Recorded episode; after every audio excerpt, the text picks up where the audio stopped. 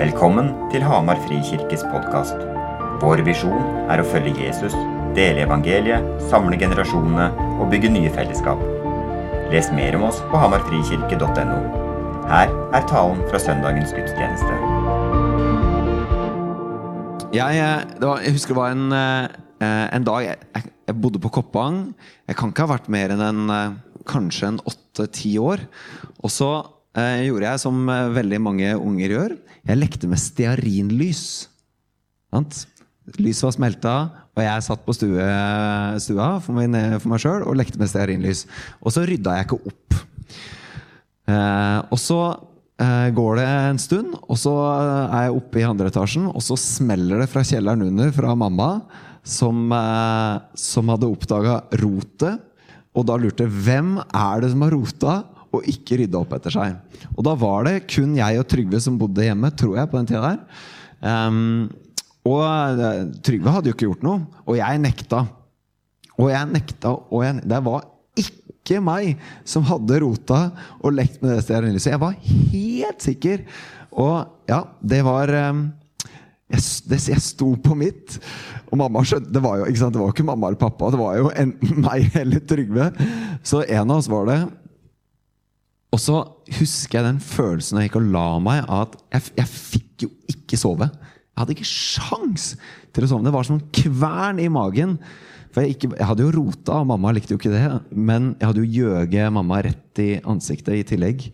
Eh, og jeg husker den følelsen av samvittighetsjag og nag i magen. Den klumpen. Og det er jo en veldig uskyldig ting. Det var bare litt stearin. Det var jo ikke farlig i det hele tatt. Um, men jeg fikk ikke fred. Og til slutt så gikk jeg ned i, uh, til mamma og pappa, som satt på stua, og sa det var jo jeg som hadde, hadde gjort det. Og jeg ba om unnskyldning, og mamma tilga meg, og det var ikke noe problem. Og så gikk jeg og la meg, og så sovna jeg med en gang. Den her følelsen av å bare vite at du er så sinnssykt avslørt. Og hva gjør du da? At det er liksom det blir jo en avstand ikke sant, mellom meg og mamma. En ganske stor avstand. For hun visste at det mest sannsynlig var meg, og jeg visste at det var meg. Eh, men jeg hadde gjøget eh, og var ikke ærlig. Og, og det var eh, Det var ganske heftig, da, den emosjonelle opplevelsen. Samvittighet og gjenopprettelse, tilgivelse, skyld og uskyld. Og vi snakker om Guds rike.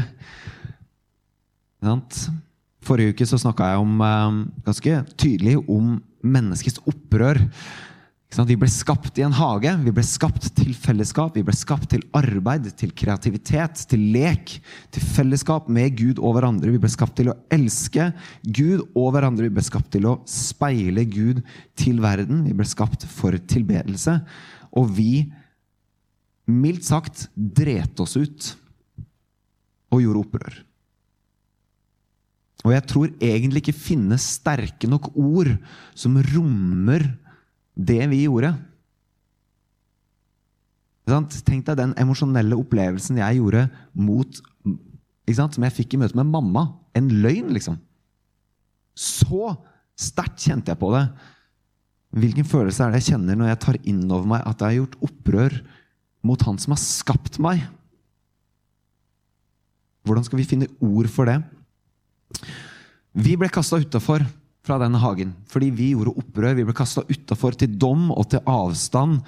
Og så satte Gud i gang denne redningsaksjonen hvor han kaller en familie og et folk og en nasjon. Og denne nasjonen skulle være et hellig og atskilt folk med det mål om at Gud skulle gjenopprette denne hagen, dette fellesskapet, hvor han skulle være nær. Og så inn i historien så kommer Jesus som Guds sønn. Ordet som var Gud, ordet som ble menneske, som tok bolig, som teltet blant mennesket. Jesus som det nye tempelet som kom nær. Og så sier Jesus tiden er inne. Nå skjer det. Guds rike er nær. Løftene som dere har venta på, skal oppfylles. Gud skal komme nær. Himmel og jord skal møtes. Hagen skal gjenopprettes, og menneskets syndefall og opprør skal tilgis, gjenopprettes, forsones. Gud skal igjen innta tronen. Og mennesket, mennesket skal bli innsatt igjen som medherskere og Guds bilde. Masse løfter, masse forventning, masse venting. Det var det israelfolket venta på. I Jesaja kapittel 2 så står det om dette. Hvor vakre de, de føttene er, de, der de løper over fjellene. Føttene til den som bringer bud, forkynner fred og bringer godt budskap. Godt budskap, evangelium. Forkynner frelse og sier til Sion, din Gud er konge. Hør, vaktmennene roper høyt. De jubler alle sammen, for med egne øyne så ser de Herren kommer tilbake til Sion. Bryt ut i jubel sammen, dere Jerusalems ruiner, for Herren trøster sitt folk. Han løser Jerusalem ut. Herren viser sin hellige arm. For øynene på alle folkeslag, hele jorden, skal få se frelsen fra vår Gud. Det er det de venter på. De gode nyhetene om at Gud skal komme tilbake til Jerusalem, hagen som skal gjenopprettes. For Guds rike er jo nettopp det. Det er Guds rike. Vi har en tendens som kirke, når vi snakker om evangeliet, når vi snakker om det vi tror på, så har vi en tendens til å få denne historien til å handle om oss. Jesus døde for meg. Ja, han gjorde det. Jesus døde for min synd. Det er meg det handler om. Det er min synd det handler om. Men nei, Guds rike handler ikke først og fremst om menneskets synd. Det handler ikke først og fremst om meg. Men det handler om Gud og det han gjør, og det han har gjort. Det er Guds rike. Og så ut av det så finner vi også vår plass. Det er Vi var skapt som kron på skaperverket. Men evangeliet, de gode nyhetene, handler om Gud. Det var Gud sin hage hvor vi hadde fellesskap med Han. Det var Gud som skulle tilbes og elskes. Denne Gud som er et fellesskap av kjærlighet. Far, sønn og ånd. Skapt til fellesskap, eller skapte oss til fellesskap, og har eksistert som fellesskap. Guds rike, historien om Gud, kan ikke forstås uten oss som mennesker og fellesskap. Det er ikke det jeg sier, men det er Gud sitt rike. Det er historien om Gud. Det er historien om det Gud har gjort, og den Gud er. Og så finner vi vår plass i det.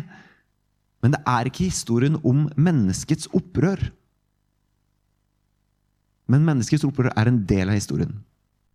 Det er ikke historien om min frelse, men det er historien om Gud og hvordan han frelsa meg. Ser dere bare at denne nyanseforskjellen, denne vinklingen Vi snakker egentlig om det samme, men med det ene så plasserer vi plutselig meg og min historie og min frelse i sentrum. Men det er ikke det som er sentrum. Sentrum er Gud og det han gjør, og hans bevegelse.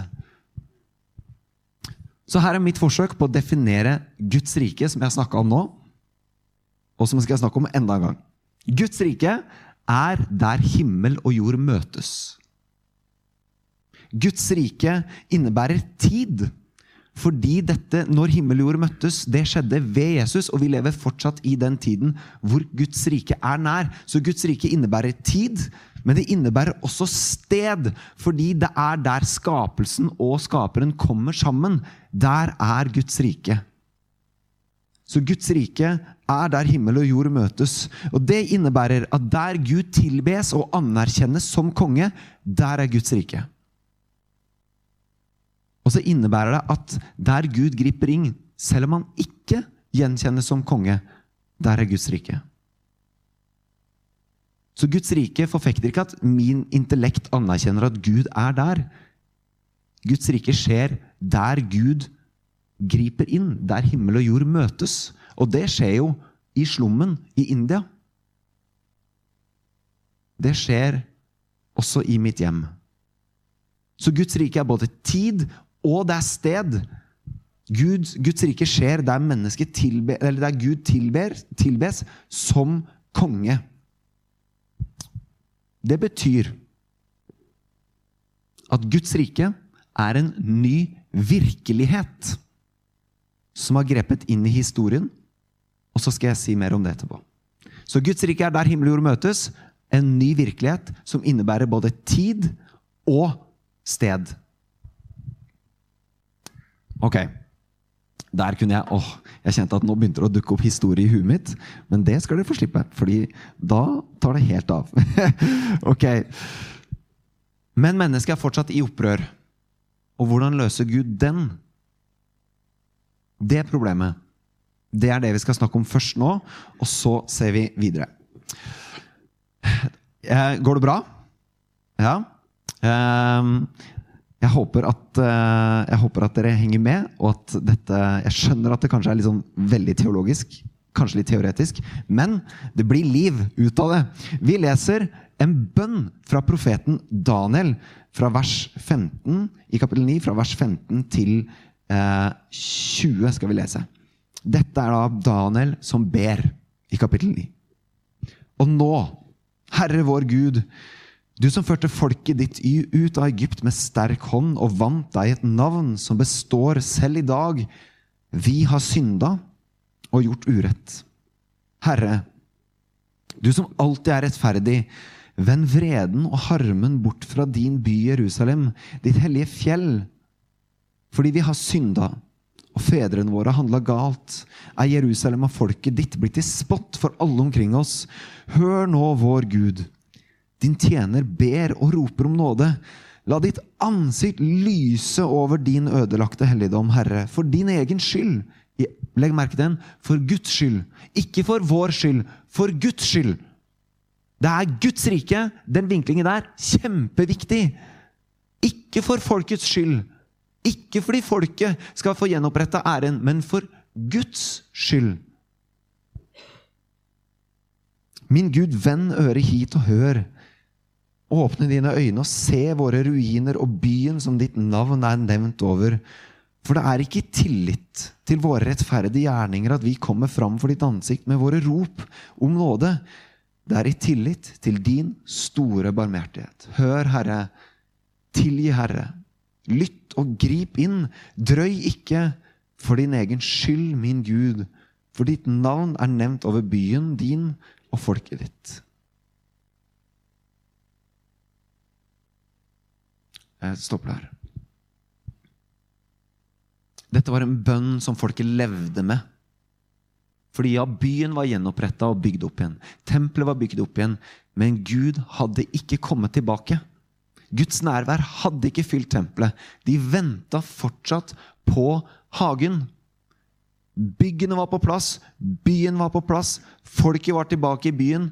Men Gud var ikke der, og de ba. Og de lengta, og de venta, og de visste at dette må på en eller annen måte innebære at Gud tilgir. Det må innebære forsoning, gjenopprettelse. Det var en forventning. De levde med ofrene fra Tredje Mosebok. Og når du studerer, offre, liksom, når du studerer grunnspråket om offer i Tredje Mosebok, så er det så lett å tenke to ting. Eller først én ting. Når vi tenker offer, så tenker vi det engelske ordet 'sacrifice'. At du ofrer for å blidgjøre en gud som er sint.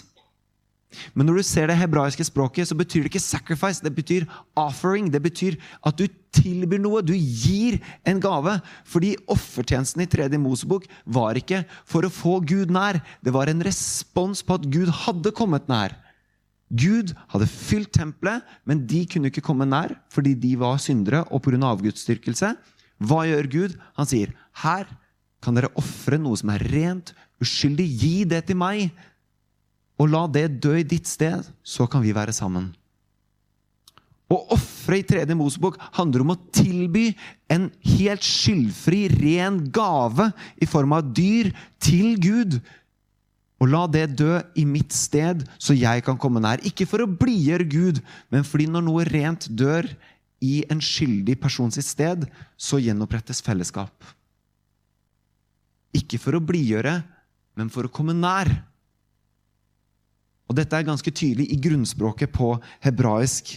Og Da gir det plutselig mening når vi leser Johannes 3, 16 om Jesus, at så høyt har Gud elsket sin sønn at han ga elsket verden at han ga sin sønn, den eneste.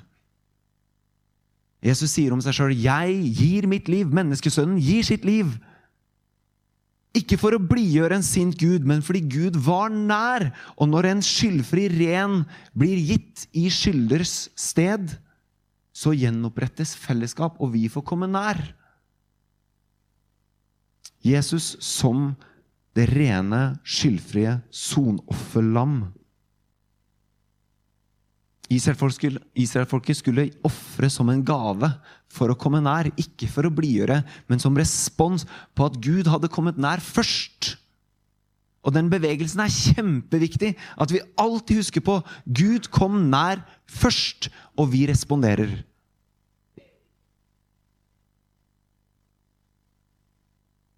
Et offer måtte dø.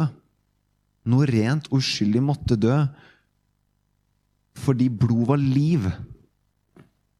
Og når liv ble gitt, så ble skyld sona for. Jesus ga seg selv. Paulus skriver i første Kolossebrev dette om Jesus. Fra kapittel 1, vers 19. For i ham ville Gud la hele sin fylde ta bolig. Legg merke til tempelspråket. Legg merke til hagespråket. Jesus som det nye tempelet. I ham ville Gud la hele sin fylde ta bolig. Og ved ham ville Gud forsone alt med seg selv. Det som er på jorden, og det som er i himmelen. Hele skaperverket, ikke bare mennesket. Hele skaperverket som var brutt ødelagt, ville Gud forsone. Da han skapte fred, dette fiendeskapet, dette opprøret, denne adskillelsen Da han skapte fred ved hans blod på korset. Og dere, også dere, var en gang fremmede og fiender av Gud i sinn og tanke med de onde gjerningene deres. Men nå har Han forsonet dere med seg selv. Da Kristus led døden i sin kropp av kjøtt og blod, hellige, uten feil og uangripelige, ville han føre dere fram for seg. Jesus ga seg selv slik at far kan ta dere inn fram for seg. Hellige, rene, uten feil. Et offer var en gave. I respons på han som kom nær først. Og Jesus er det offeret. Hellig, ren, uten feil.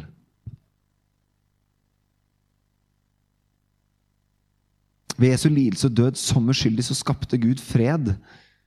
Og han forsonte hele verden med seg selv. Dette er den synstilgivelsen som profeten Daniel ba om. Den ble gjort virkelig, den ved Jesu død.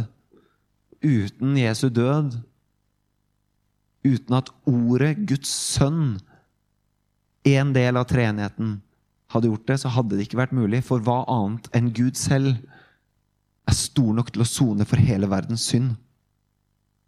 Og denne synstilgivelsen gjelder oss og skapverket. Fordi kosmos var brutt. Kosmos måtte forsones og tilgi. Og vi som individer, vi får motta denne rettferdigheten ved Guds nåde. Litt tidligere i det samme brevet så sier Paulus dette til menigheten i, i Kolossia om at hvordan de skal respondere. Med glede skal dere takke Far som satte dere i stand til å få del i de helliges arv i lyset. For han har fridd oss ut av mørkets makt og ført oss over i sin elskede sønns rike. I ham, i Jesus, er vi kjøpt fri og har fått tilgivelse for syndene. Vi var i en tilstand av opprør. Vi var fiender. Vi var døde. Men ved Jesu død så ble det sont for som en gave, slik at vi kan komme nær.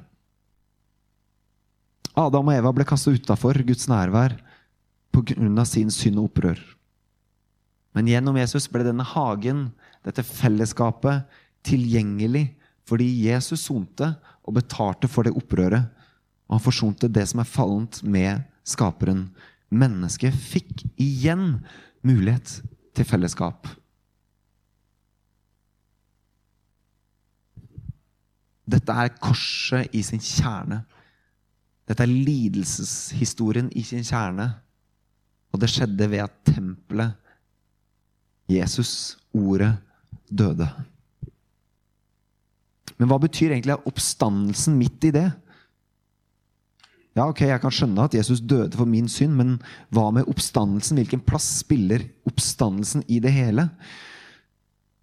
I 1. Korinterbrev sier Paulus dette. Men nå er jo Kristus stått opp fra de døde som førstegrøden av dem som er sovnet inn.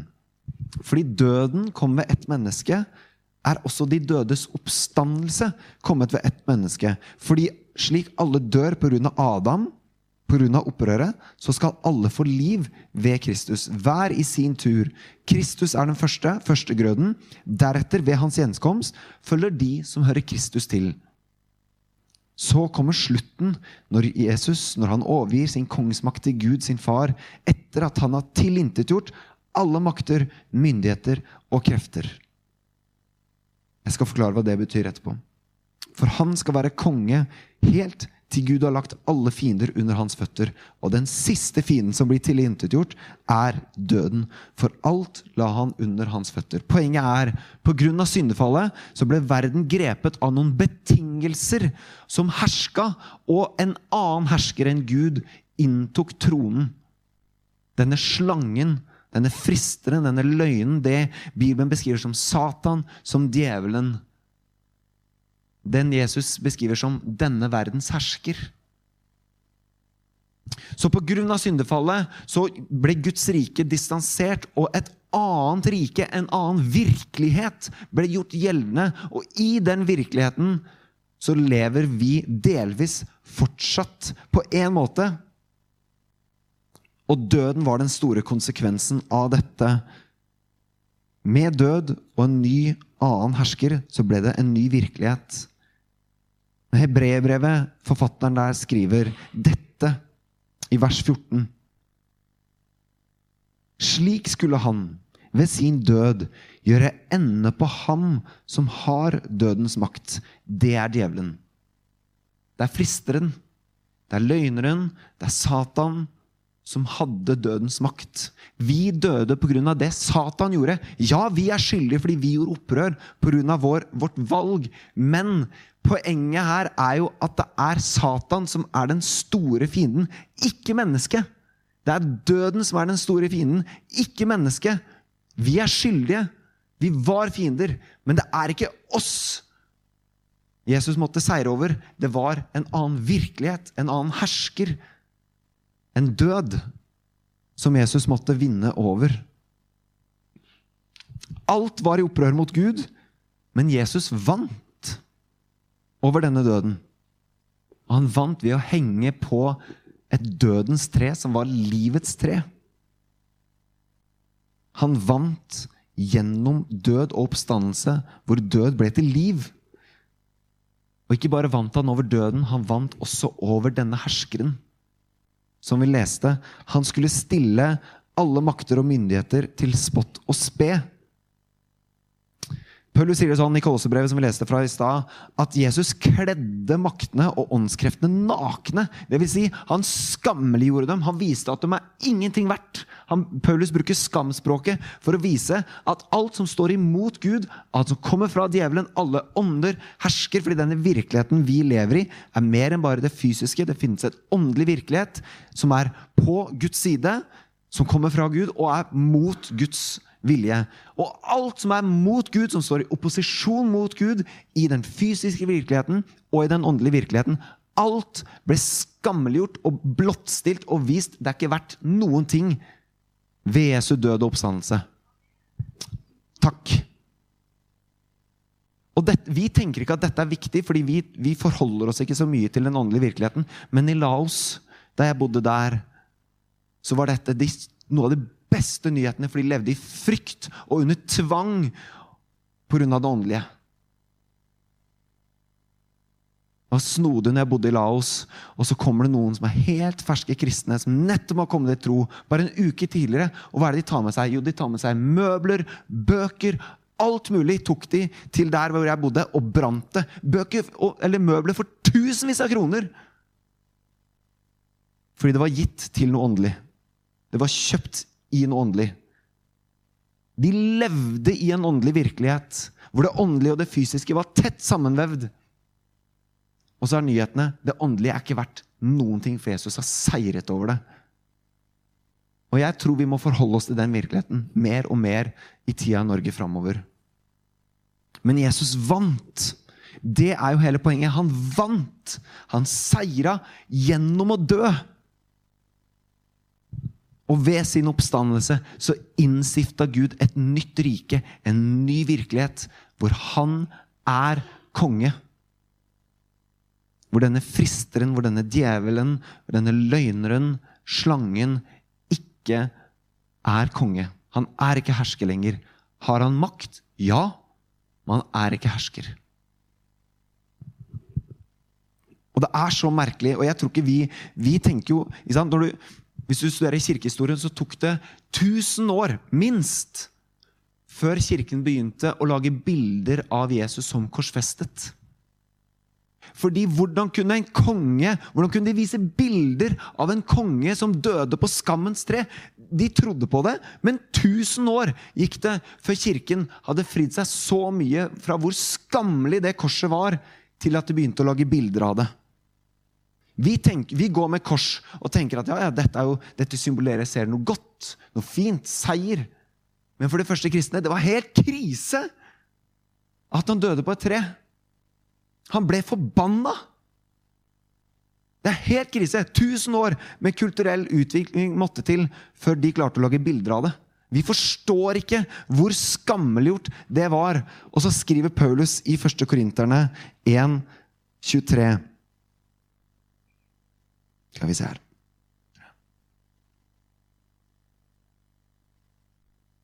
Ja, det, du får det kanskje opp der. Men vi forkynner en korsfestet Kristus. Og Kristus er en tittel. Messias, konge. Vi forkynner en korsfestet konge. Han er en snublestein for jøder og dårskap for hedninger. Han sier, 'Det dere tror er helt umulig', det gjorde Jesus.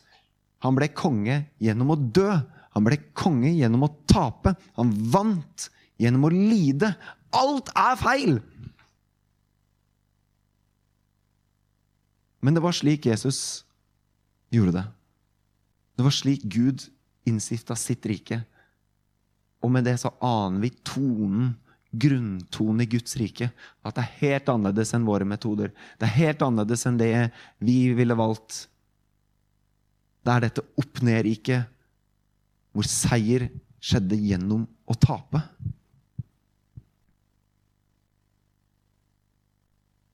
Jesus ble en korsfesta konge. Peter sier det samme i apostelgjerningene når han forkynner for første gang. I kapittel 2, vers 36.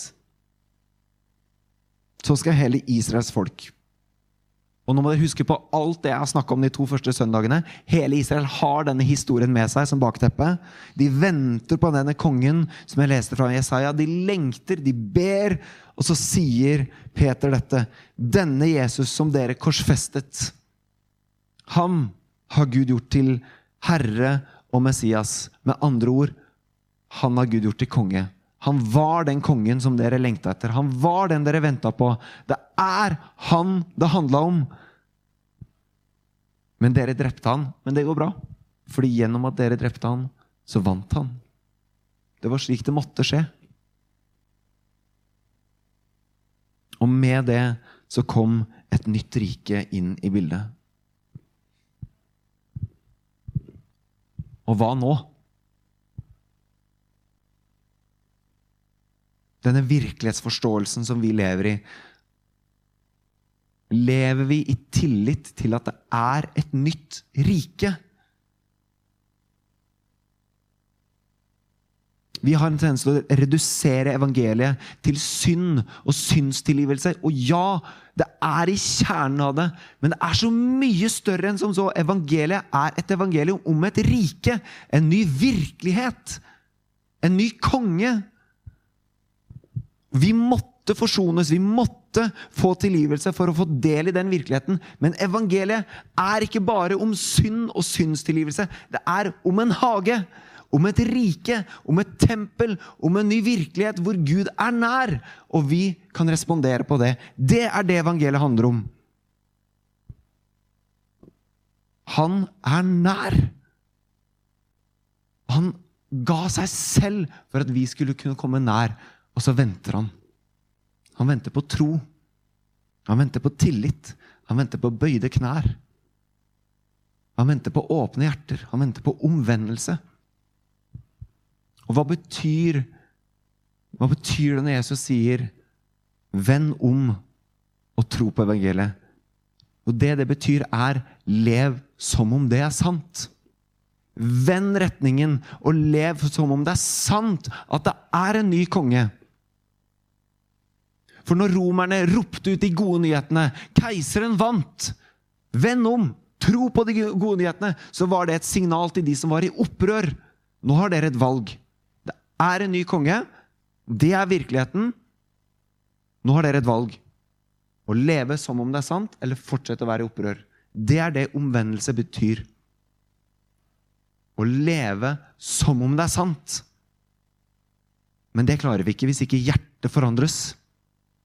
Fordi vi er fortsatt under en tilstand, denne betingelsen av opprør.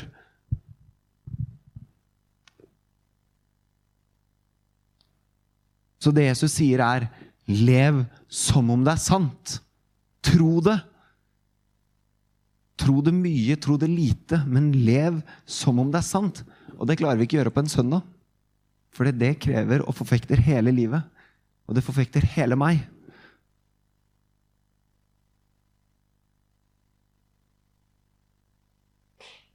Så hvordan skal vi respondere på dette, Hamar frikirke? Og la oss være et folk som er veldig ydmyke og ærlige på at vi er fortsatt delvis i opprør. Vi lever under den betingelsen. Vi er fortsatt prega av syndefallet. Vi er falne, vi er brutt, vi er ødelagte. Det betyr ikke at vi skal snakke ned oss sjøl og degradere vår menneskelighet eller vår verdi, men det betyr at vi må være ærlige. Vi må være dønn ærlige om vår avgudsdyrkelse, vår vantro og våre harde hjerter. Og så må vi respondere ved å vende tilbake til hagen. Til at det å være Guds folk skjer ikke bare på søndag mellom, ett, eller mellom 11 og 1. Å være Guds folk innebærer kreativitet. Det innebærer arbeid, det innebærer lek, det innebærer hvile, det innebærer tilbedelse med ord, men også med kropp. Paulus sa, 'Bær derfor kroppen fram som et levende og hellig offer til glede for Gud'. Det skal være deres åndelige gudstjeneste. Og du har jo en kropp uka igjennom, så det Paulus sier, er alt du gjør med kroppen din, kan være en tilbedelse og et gudstjeneste og et offer. Så hvordan er du et offer hvor du gir deg selv, gir kroppen din, alt du er, til Gud? Hvordan lever du? Har du den tanken om at jobben din er tilbedelse? Har du den tanken om at familieliv, at singelliv er tilbedelse? At kreativitet, musikk, dans er tilbedelse? At lek og hvile er tilbedelse? At tilbedelse er så mye mer enn sang. Det er det også. Men det er så mye mer. Og det er det hagen handler om, og det er det evigheten der framme handler om når vi står opp med en ny kropp. Vi skal ikke sitte på en rosa sky og spille harpe og synge kumbaya. Vi skal ikke det. Vi skal leve i en hage, i en by, med Gud helt nær. Hvor Guds nærvær er så sterkt at sola ikke trenger å eksistere. Fordi Guds lys, Guds nærvær, dette livets tre, er lyset og livet og det vi trenger. Paulus sa med glede skal dere takke Gud. Og Jeg håper dere kjenner at dette er gode nyheter. At det er en ny virkelighet. At det er en ny konge. At han har seira. At det onde kommer ikke til å vinne. At Putin, hvis han ikke omvender seg, så vil han få en dom. Men hvis han omvender seg, så får han også glede. Og det samme gjelder meg. Det er gode nyheter, for det er en ny virkelighet. Hamar frikirke, tiden er inne. Guds rike har kommet nær. Vend om og tro på evangeliet. Lev som om det er sant. Det er det Guds rike handler om. Det er det vi tror på. Det er det vi bekjenner. Og det er det vi vil at Hamar skal få ta del i. Og så skal vi snakke mer neste gang om hvordan vi skal leve i den virkeligheten. Skal vi be?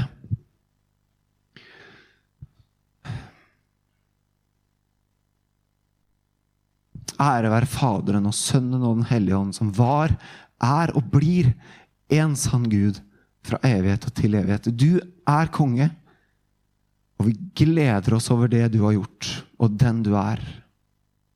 Vi gleder oss over at vi får leve i en ny virkelighet. Og så erkjenner vi at den virkeligheten har ikke kommet fullt og helt ennå. Så vi erkjenner smertene og lidelsene vi erfarer fortsatt. Men din virkelighet er her. Og vi, vi har fått tilgivelse. Og nå ber vi, Hellige Ånd, du som er her La oss få smake og kjenne at Gud kom nær først. At du er midt i oss, rundt oss.